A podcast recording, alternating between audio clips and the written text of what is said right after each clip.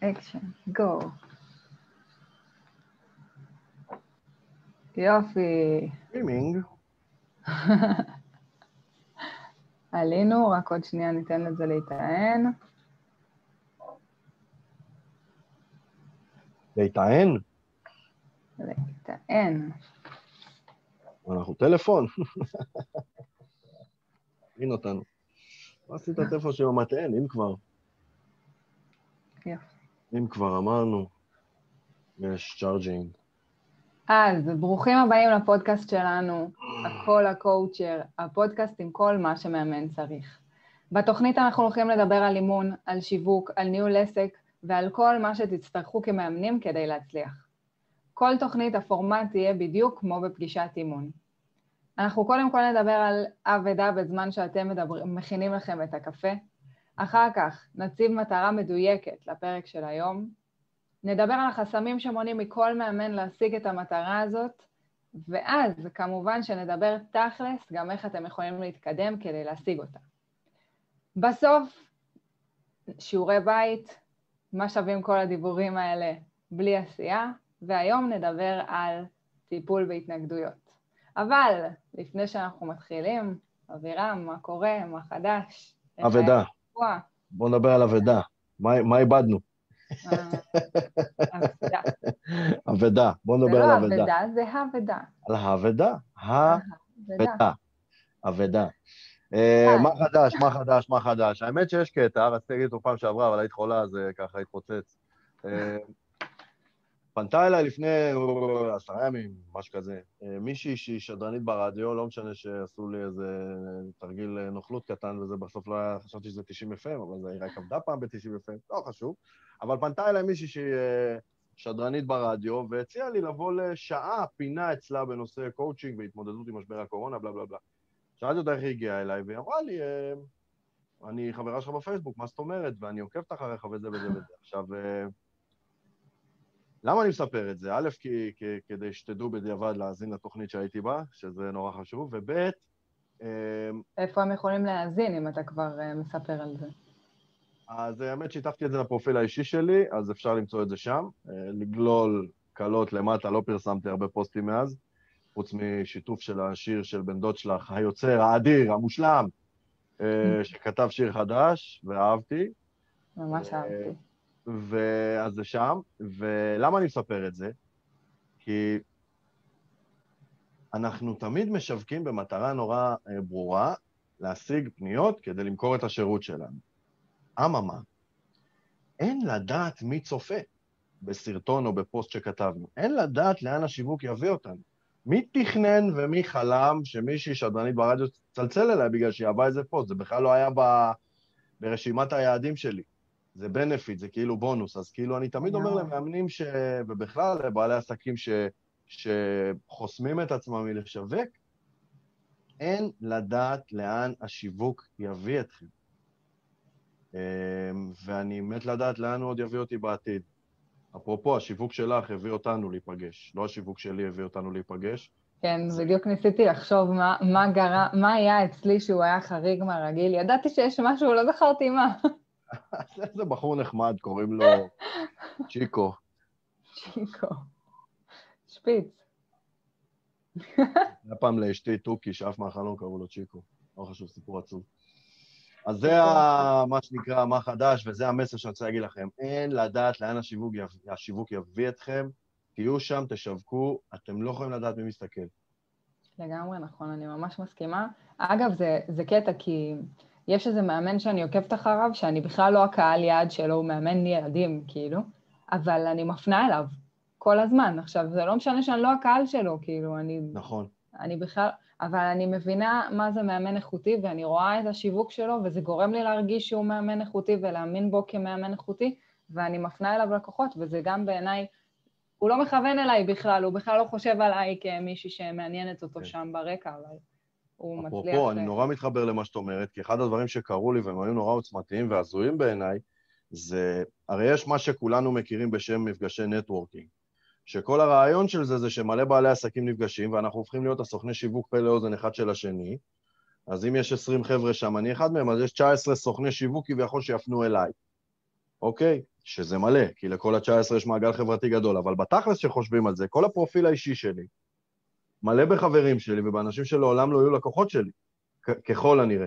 אבל הם גם רואים אותי והם גם שותפים בפוסטים שלי והם גם מביעים דעה, ואם יום אחד מישהו מחבריהם יזדקק לקואוצ'ר, אני, אני בטוח שהם יפנו אליי, ואני יום אחד זוכר שקמתי בבוקר וראיתי זה המליץ עליי וההוא המליץ עליי, ומישהי שבכלל שכחתי שהיא קיימת המליצה עליי, פתאום תהיגו אותי פה, תהיגו אותי שם.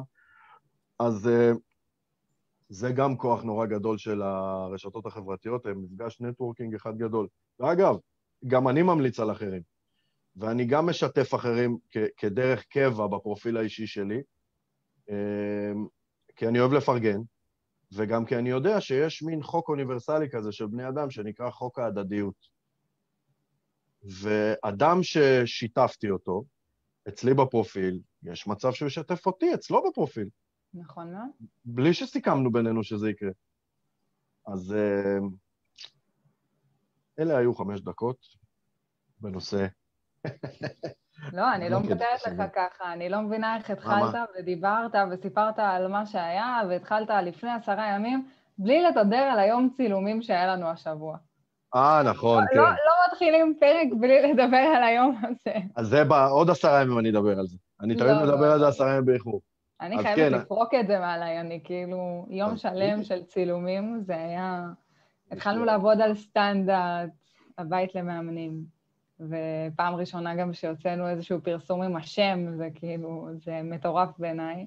כן. ובאמת היינו אה, אבירם ואשתו מיתר המקסימה והמהממת, אה, ואני, ועשינו יום צילומים שלם, אה, כל מיני סרטונים שאתם תראו פה בקרוב, אבל זה היה באמת יום מרגש, כאילו, התחלנו לעבוד ממש, לא רק מאחורי הקלעים, פתאום זה, זה טיפה כן. עובר לקדמת הבמה וזה מדהים.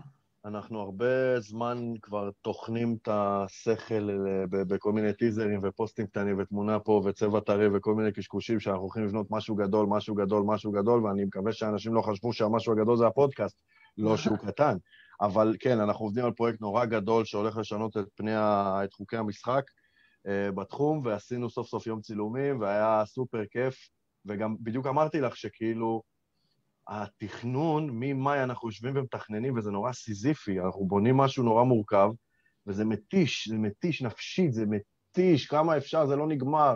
צעד אחד קדימה... אוטומטית אני לוקחת נשימה עמוקה, רק לחשוב על זה. זה מתיש, וסוף סוף נפגשנו ליום צילומים, כי הדברים מתחילים לרקום עור וגידים, וזה היה נורא מרגש, זה החזיר לנו את כל הדלק, לי לפחות. אני יודע שגם לך. אמ, אז אפרופו מסרים, אם במסרים עסקינן, אה, לכל מי שעסוק בלתכנן ומוצא את עצמו בונה ומתכנן ובונה ומתכנן ובונה ומתכנן, וזה מייאש, תנו לעצמכם איזה יום שטח כזה של, אה, של עבודת תכלס, לא רק תיאורטית, אלא פרקטית, יישומית בשטח, וזה יחזיר לכם את כל הדלק למכלים, שזה מה שעשינו. פתאום נזכרים בתוצאה. כן, למה, למה אנחנו עושים את זה? לראות את זה, לגמרי. כן, ומקבל תמונה. מדהים. זה לידה, לידתו, לידתו של מוצר. הכי עמוק שלי. טוב, אז אה, יאללה, בואו נגדיר מטרה לפרק של היום. דיברנו, הגדרנו בגדול טיפול בהתנגדויות, אבל מה המטרה כן. שלנו היום, אבירם? אז המטרה היום היא, היא ללמוד איך להיות מוכנים לכל התנגדות שלא תצוץ מהמתאמנים שלנו, בפגישת מכירה מקדימה, ובכלל במהלך כל התהליך האמוני, אבל בעיקר במהלך פגישת המכירה. מה, מה זה אומר להיות מוכנים? איך אתה יכול להגדיר להיות מוכנים כמטרה? יש משהו שאני תמיד אה, אומר לחבר'ה שאני מלווה, בעיקר לבעלי עסקים שמוכרים מוצרים. מי שבא אליי כי הוא רוצה לשפר זוגיות לא מתעסק עם התנגדויות, למרות שאשתו מתנגדת כנראה, אבל אי אפשר לטפל בהתנגדות הזאת, אז זה, זה ליום אחר. אבל בכל מקרה, אה, אני תמיד אומר להם ככה, הרי כולנו בסוף אה, נותני שירותים ללקוחות. והלקוחות האלה נפגשים איתנו, שומעים מה יש לנו להגיד, שומעים מה המוצר, שומעים כמה הוא עולה, ומגיע הרגע הגדול. אדוני, רוצה או לא רוצה, קונה או לא קונה. בסוף, מה שנקרא, it all comes down to this. Mm-hmm. ו... ואז, רגע לפני שהוא אומר כן או לא, הוא, מג... הוא מביע את ההתנגדויות שלו. עכשיו, למה אני אומר להיות מוכנים?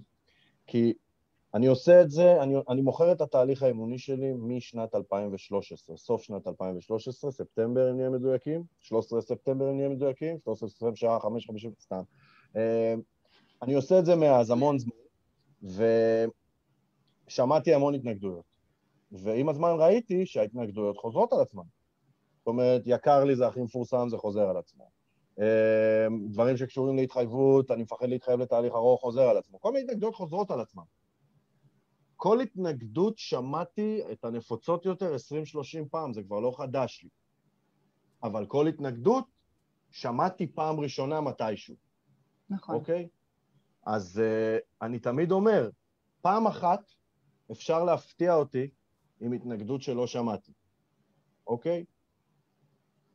פעם שנייה, אם זה יפתיע אותי, אז אני מפגר, אני חמור, אני דפוק. כאילו, איך יכול להיות שפעם שנייה אני מופתע מאותה, מאותו משפט, אוקיי? ולכן, once שמעתי פעם אחת התנגדות מסוימת, עכשיו אני יכול להתכונן. once לפעם. שמעתי פעם אחת. once שמעתי פעם אחת.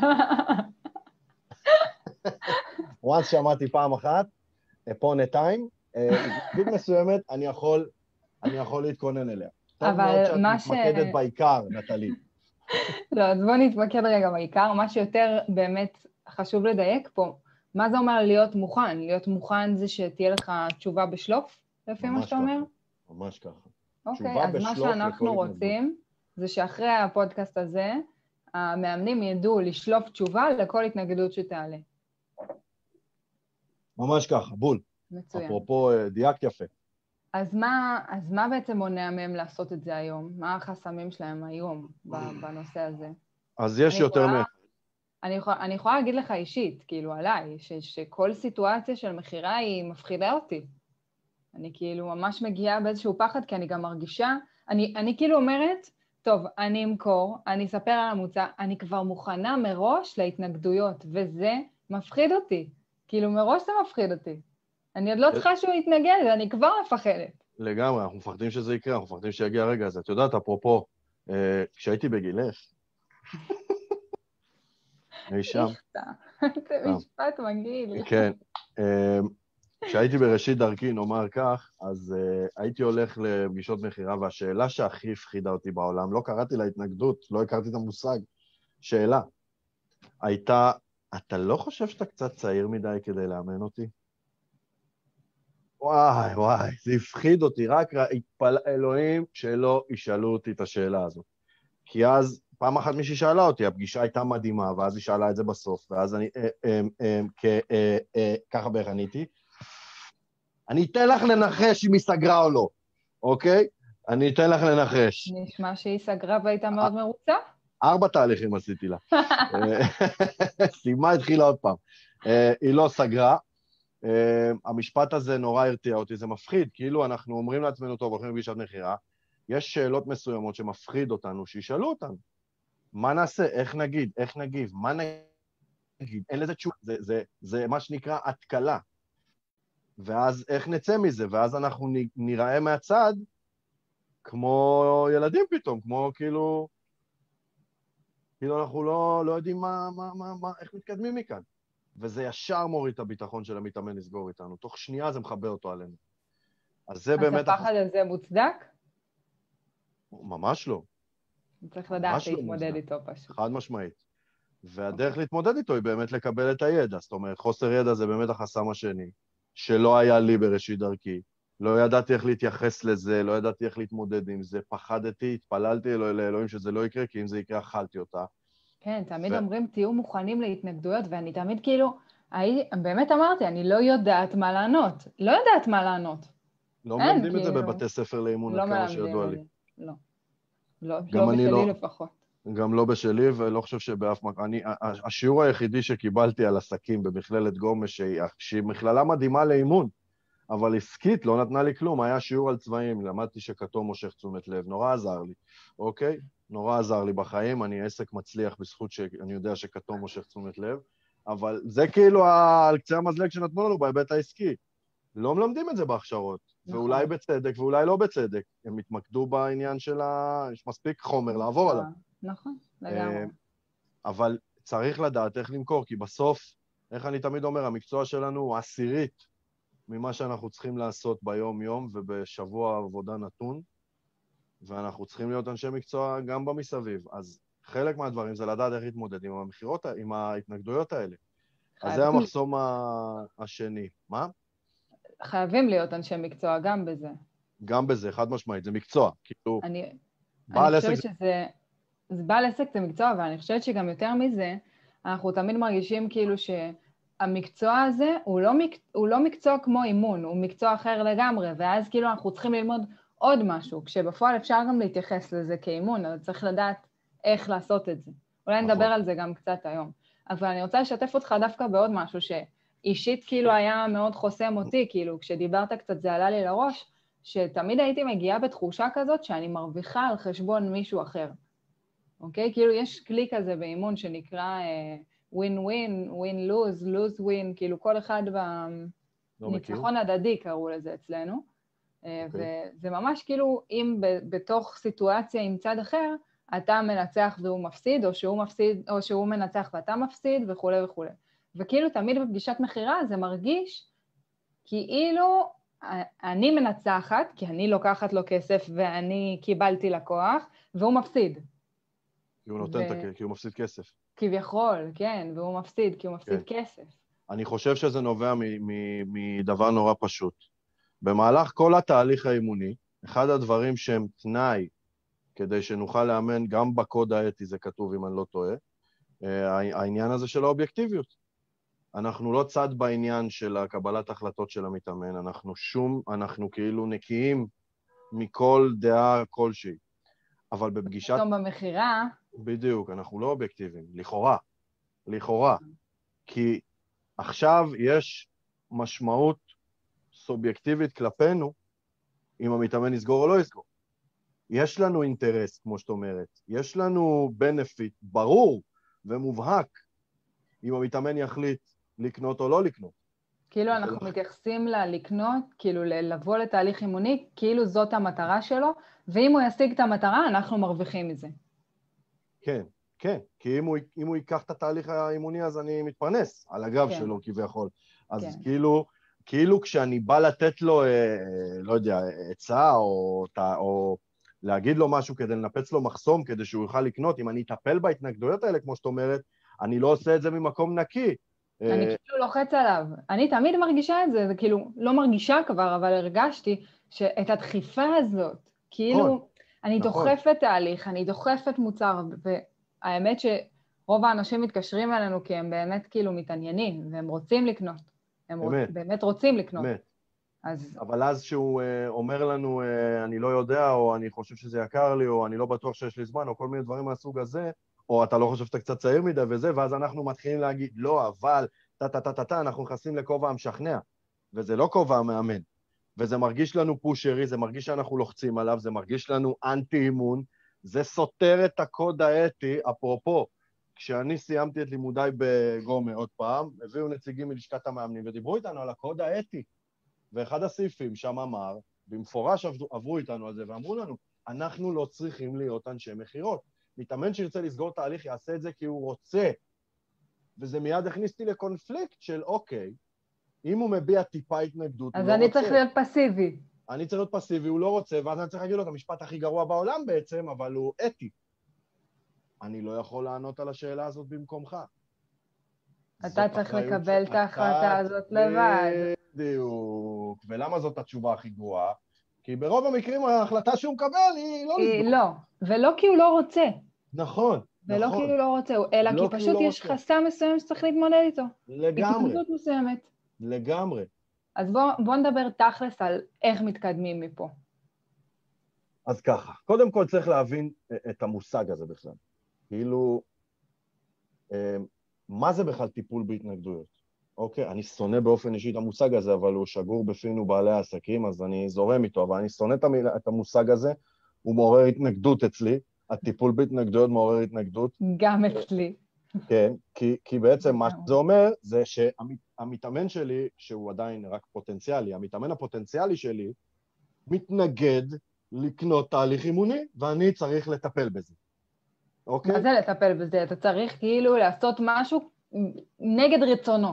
נכון, הוא מתנגד, צריך כי הוא מתנגד. אני לא אמור להתעסק עם ההתנגדויות שלו, אני לא תופס את זה כהתנגדויות, ואני בטח לא מטפל.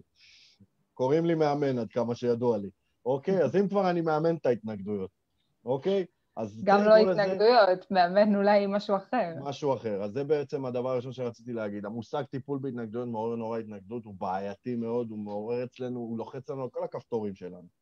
על כל הכפתורים האתיים של, של באמת אנשים שהגיעו למקצוע הזה כי אכפת להם מהבן אדם בצד השני, זה גורם להם להרגיש כאילו ברגע המכירה לא אכפת להם ממנו. אמת, אמת. כאילו אנחנו רודפי בצע גרידים, נוכלים, שבאים למכור משהו ולא מעניין אותנו שום דבר, עכשיו באים לדרוס, לקטוש, אוקיי? לכבוש. זה לא מצחיק, לא כי כשאנחנו הלקוחות ומישהו מוכר לנו, אין לנו בעיה עם זה. כשאנחנו הלקוחות אין לנו בעיה עם מה? כשאנחנו לקוחות ומישהו מוכר לנו, אנחנו גם קונים. אין בעיה, אבל הוא לא, לא מאמן. לא כל מוצר, כן? אבל הוא לא מאמן, המישהו. אבל הוא לא מאמן, אז הוא בסדר. אז זה בסדר, אין בעיה, אין לו קוד אתי. אז לא מותר להתפרנס, מאמנים צריכים להישאר בלי כסף. לדיילת בסופר פארם אין קוד אתי, עד כמה שידוע לי, בסדר? אבל כאילו, זה מה שאני אומר, המושג הזה מעורר המון התנגדות. אז אני, אני, אני אומר שצריך לעשות סוויץ' בראש נורא גדול ולהתחיל לקרוא לזה אימון על חששות. מבחינתי, כשמתאמן פוטנציאלי בפגישה מקדימה מביע איזושהי התנגדות, אני שומע שהוא מביע חשש. תחשבי על זה. אותה אחת שאמרה לי, אתה לא חושב שאתה קצת צעיר מדי בשביל לאמן אותי? היא לא באה להתריס, היא הביעה חשש. היא הביעה חוסר אמון, אוקיי? גם כשאומרים זה יקר מדי, זה חשש אישי, כאילו יכול להיות שכרגע כלכלית קצת יותר קשה לשלם. יש מלא התנגדויות. פעם מישהו אמר לי, אני הרי גובה חודש מראש, אוקיי? והתהליך שלי הוא יחסית ארוך באופן יחסי לשאר הזה, לשאר המאמנים. אמ, ומישהו פעם אמר לי בטלפון, אמ, אני, אני חושש שאני אה, לא אוכל להיות מחויב לתהליך כל כך ארוך. הוא לא הביע התנגדות, הוא רוצה לקנות. אחרת לא היינו מדברים בטלפון בכלל. הוא הביע חשש. הוא הביע חשש שאני לא אחזיר לו את הכסף, או שאני לא יודע מה, הוא הביע חשש בתפקידי לתת זריקת הרגעה. זהו.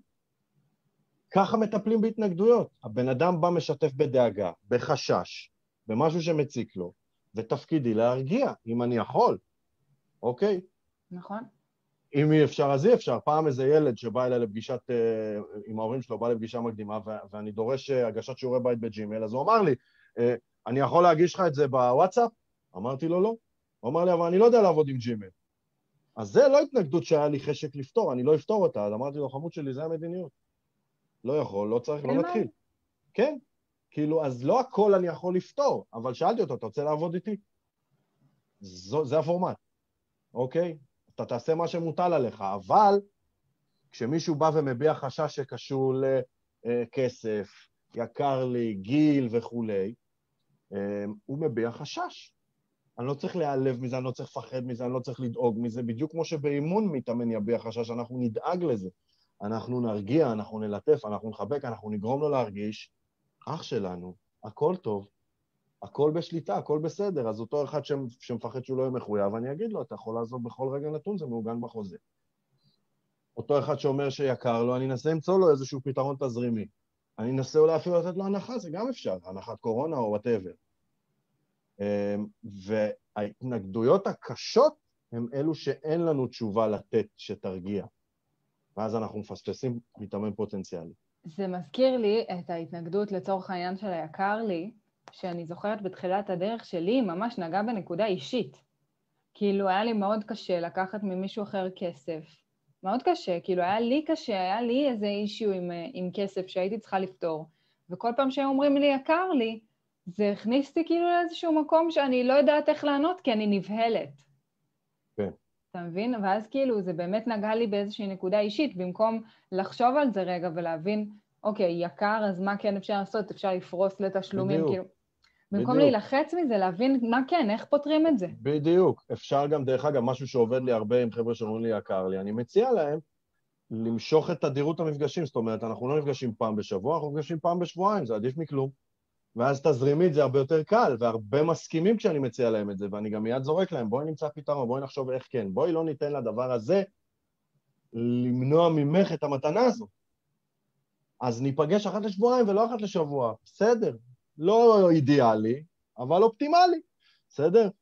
אז uh, זה לגבי זה. ואם אני חוזר לתחילת הפגישה, לתחילת הפודקאסט, uh, PodCoach, uh, דיברנו על לבוא מוכנים, ואמרתי, כל התנגדות פעם ראשונה יכולה להפתיע אותי, פעם שנייה אם יפתיע אותי, אני מפגר.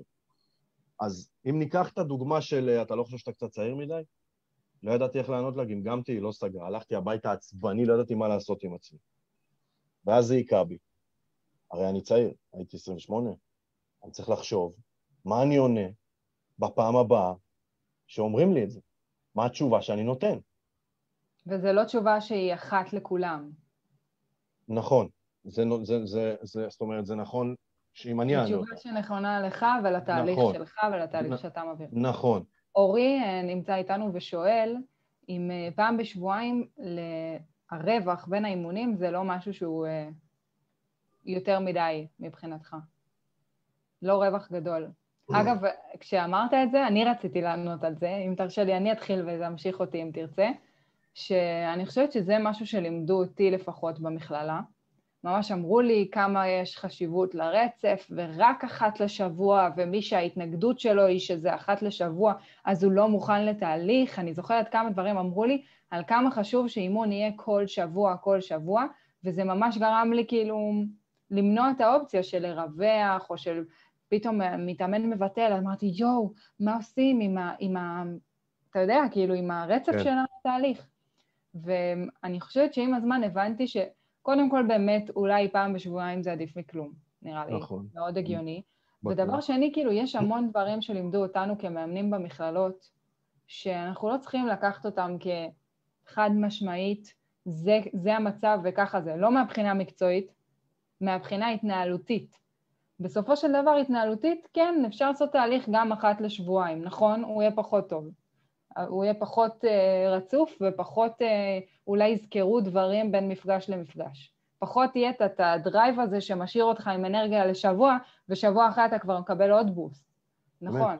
אבל מצד שני זה לא אומר שזה משהו שהוא אסור, או חד משמעית אסור, לא צריך אני, לעשות. אני חושב שתודעת שפע אמיתית וראש פתוח ברמות הגבוהות, זה היכולת לשים סימן שאלה גם על מה שלמדנו.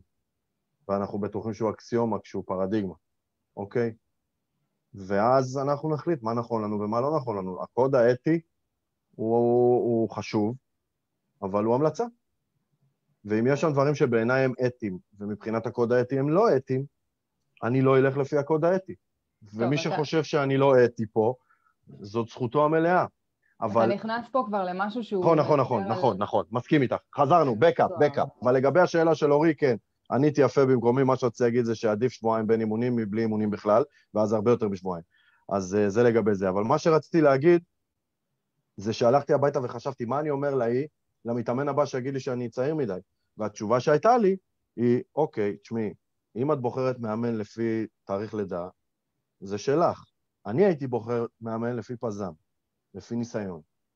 ואני עובד כבר X, Y, Z שנים, 17 שנה. את יכולה לקחת מאמן בן 50 שעשה הסבת מקצוע לפני שנתיים. אבל אני הייתי מעדיף שתבחרי מאמן שיש לו ים של ניסיון בתהליכים טה-טה-טה-טה, וזה היה נכון. עכשיו, אותו, אותה בחורה שאמרה לי את זה, הביעה חשש, ולא ידעתי להגיד לה את זה, הייתי סוגר את החשש הזה בשנייה, היא הייתה סומכת עליי. וזה הפך להיות, חיכיתי, חיכיתי, שיבוא לי מתאמן, ויגיד לי, אתה לא צעיר מדי? חיכיתי, אוקיי? היום כבר לא קוראים לי לצער. לגמרי. אז, אז פרקטית, היית רוצה, הייתי רוצה שהם פשוט יבינו מה הם עושים כשהם פוגשים בעניין הזה לפני שניגע בשיעורי בית. אז כשהם פוגשים בהתנגדות, קודם כל הם צריכים להבין מהי ההתנגדות. נכון. נכון? כאילו איזה, איזה סוג, אם זה התנגדות על, על מחיר והתנגדות על, על מחויבות והתנגדות גיל. על זמן וגיל וכולי וכולי, אז אנחנו לא כאילו... חסר. נכון. אנחנו עושים מה שנקרא מיון כזה. מיון, בדיוק, ממיינים. ואז אנחנו אפילו רושמים לנו את זה ומתייחסים אליהם. אחת-אחת. מתייחסים לכל אחת ומנסים להרגיע. להרגיע. להרגיע. זה לא נוסחת פלא, זה לא תמיד עובד, אין מאה אחוז הצלחה במכירות, אבל, אבל זה עושה את העבודה, אוקיי? זה הרבה יותר טוב מלהגיד לבן אדם, אה, טוב, אה, אני לא יכול אה, לענות במקומך, זאת שאלה שרק אתה תוכל לענות עליה, גש הביתה, נדבר עוד שלושה ימים, ולא לא תדברו עוד שלושה ימים, אוקיי? אה, אז, אז זה לגבי זה, ו... יאללה, בוא נעבור לשיעורי בית, כי אנחנו צריכים לסיים. לי סיפור חבל על הזמן. לא נורא. לא נורא. אז שיעורי בית, מה אנחנו נותנים בעצם למאמנים כשיעורי בית כדי שהם יצליחו להתמודד כמו שצריך עם התנגדויות בפעם הבאה שהם פוגשים אותם, עם חששות? אז ככה, אה, שיעורי הבית הם כאלה, וזה משהו שאני עושה בעצמי. היום אני מחכה שיבוא המתאמן ויציג לי התנגדות שעוד לא שמעתי. זה מאתגר אותי ברמות, כי אני מתייחס לזה ממש כאל ספורט. אה, שיעורי הבית. שיעורי הבית הם כאלה, בדיוק. המשימה, תמקדי אותי, כן, כזה, תמקדי אותי. אה, שיעורי הבית. אה, כל אחד עם עצמו, קחו חצי שעה, קחו דף ועט, ותעשו רשימה של כל הסיבות שאי פעם שמעתם ממתאמנים פוטנציאליים שלכם בפגישות מקדימות, שבגללם הם אמרו לכם שהם לא סגרו. הסיבה שעל זה זה ישב, כי היה להם יקר, כי הם הרגישו שזה לא בדיוק הנישה, כי אתם רגשיים והם חיפשו מישהו שכלתני או להפך, כי המחויבות, כי המחיר, כי ה... כי ה... לא יודע מה, השעות, הזמנים. כל הסיבות שאי פעם שמעתם, תכתבו אותם על דף, שיהיה לכם רשימת התנגדויות מסודרת של כל הדברים ששמעתם, ואז תכינו תשובה שתרגיע את אותו חשש אצל המתאמן הבא שיגיד לכם את זה, ואני מבטיח לכם שיגידו לכם את זה שוב. זה תמיד חוזר על עצמו. רק שבפעם הבאה הם יבואו בגישה אחרת לגמרי כבר. לגמרי, והכוח האמיתי הוא לרצות שיגידו להם את זה, כי אז ההתנגדות תהפוך להיות אה, צ'אנס עבורכם לשלוף, מה שנקרא, אני לא רוצה להשתמש במונחים של קלף מנצח, אבל לשלוף תשובה שתרגיע כל כך ותיצור אמון כל כך גדול ותפרוץ מחסומים בצורה כל כך עוצמתית, שהם יסגרו. ואם הם יסגרו, יהיה לנו את הצ'אנס באמת לעזור להם. מצוין. Okay? סיימת את זה באחלה... אחלה משפט. אז חבר'ה, אם אתם אה, צופים בנו עכשיו, וגם אם אתם צופים בנו לא בהכרח בלייב, אה, אנחנו ממש נשמח שתכתבו לנו עם מה יצאתם מהפרק, מה הדבר שהכי אה, נחרט לכם בראש. אתם יכולים לכתוב את זה כאן בתגובות, אנחנו כמובן ניתן לכם גם תגובות משלנו אחר כך, ברגע שנראה את זה. וזהו, תודה רבה. לייקים ולבבות, ולייקים. סיימנו את הפרק שלנו להיום. ולייקים. ותרשמו כאילו, אבירם, וואו, היית ממש וואו, לעומת נטלי. אבירם, סיימנו. ביי.